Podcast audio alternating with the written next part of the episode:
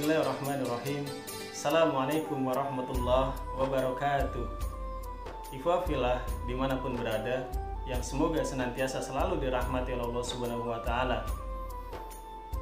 Ada sebuah surat cinta dari Allah subhanahu wa ta'ala kepada hambanya Yang menyuruh untuk hambanya ini untuk bersegera. Bersegera dalam apa? Yaitu tepatnya dalam surat Ali Imran ayat 133 A'udzu billahi minasyaitonir rajim. Bismillahirrahmanirrahim. Wasari'u ila magfiratin min rabbikum wa jannatin arduhas samawati wal ard u'iddat lil muttaqin.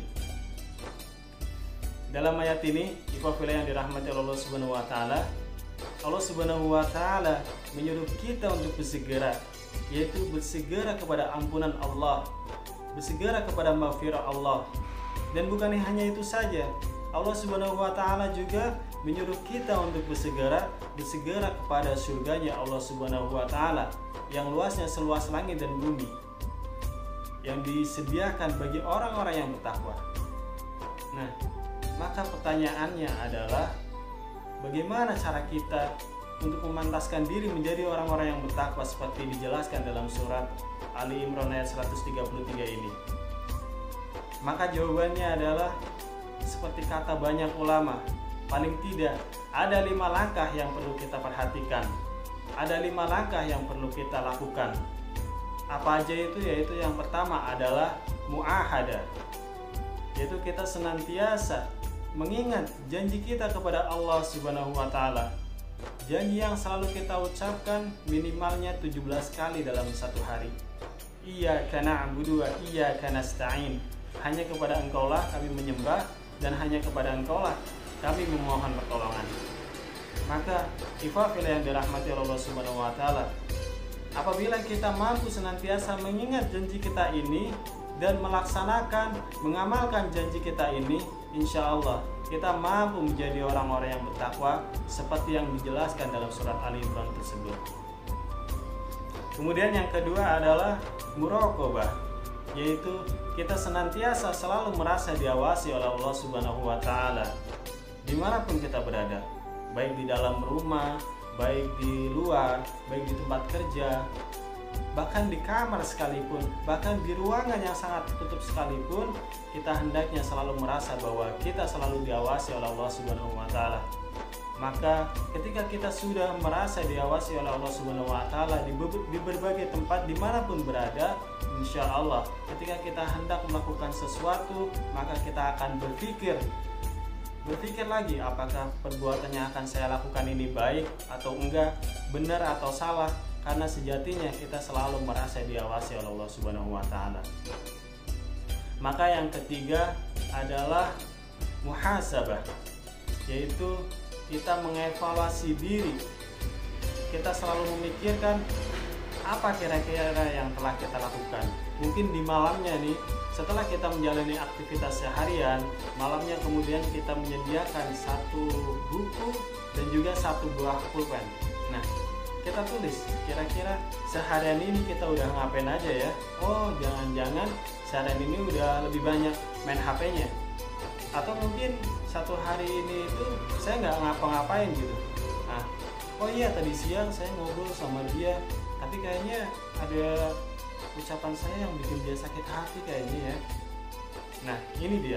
Ketika kita bermuhasabah ketika kita mengevaluasi diri kita maka akan terlihat bahwa apa saja yang telah kita lakukan barangkali ini menjadi bentuk evaluasi kita untuk menjadi lebih baik lagi.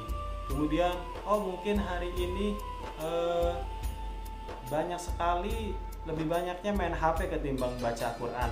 Kemudian dengan proses evaluasi, besoknya mulai dikurangi main HP-nya, kemudian lebih banyak interaksi dengan Al-Quran. Kemudian yang keempat adalah mu'akobah.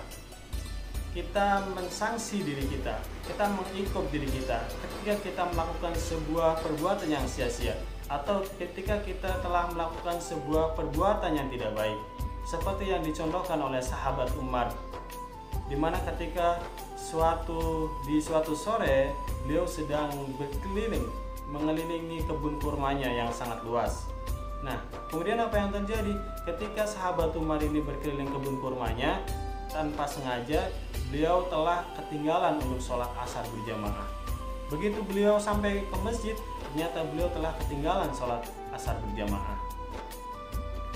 Karena merasa sangat menyesal dalam diri sahabat Umar ini, kemudian apa yang beliau lakukan? Kemudian beliau mengikut dirinya bahwa beliau berpikir lagi ternyata karena beliau mengelilingi pohon kurmanya ini, ladang kurmanya, lahan kurmanya yang mengakibatkan beliau sampai ketinggalan sholat berjamaah di masjid, yang melalaikan beliau sampai untuk berjamaah di masjid. Kemudian beliau mengikut dirinya dengan cara menginfakkan sebagian dari lahan kurmanya. Nah, ini dia yang dicontohkan oleh sahabat Umar. Lantas bagaimana dengan diri kita? Mungkin kalau diri kita sangat jauh untuk bisa berperilaku seperti sahabat Umar maka mungkin bisa saja ketika kita ketinggalan sholat jamaah di masjid kita mengikop diri kita dengan cara oh saya harus ini menginfakkan oh ya 10 ribu nah mungkin bisa dengan mulai seperti itu kemudian berikutnya oh iya saya telat lagi waduh naik lagi jadi 20 ribu kita belajar dari hal-hal yang kecil untuk mengikop diri kita supaya kita senantiasa merasa malu dan merasa tersanksi bahwa ketika kita melakukan perbuatan yang tidak baik. Kemudian yang terakhir adalah mujahadah. Kita senantiasa bersungguh-sungguh dalam melakukan ibadah kepada Allah Subhanahu wa taala. Barangkali bukan karena seberapa banyak, seberapa besar amalan yang kita lakukan. Barangkali karena amalan itu mungkin dianggap sepele atau sangat kecil, tetapi ada sebuah kesungguhan di dalamnya. Barangkali melalui itu, itulah yang bisa mengantarkan kita menuju surganya Allah Subhanahu wa taala. Maka penting bagi kita untuk selalu bermujahadah, bersungguh-sungguh dalam melaksanakan amal baik. Barangkali itu yang bisa saya sampaikan. Terima kasih atas perhatiannya. Wassalamualaikum warahmatullahi wabarakatuh.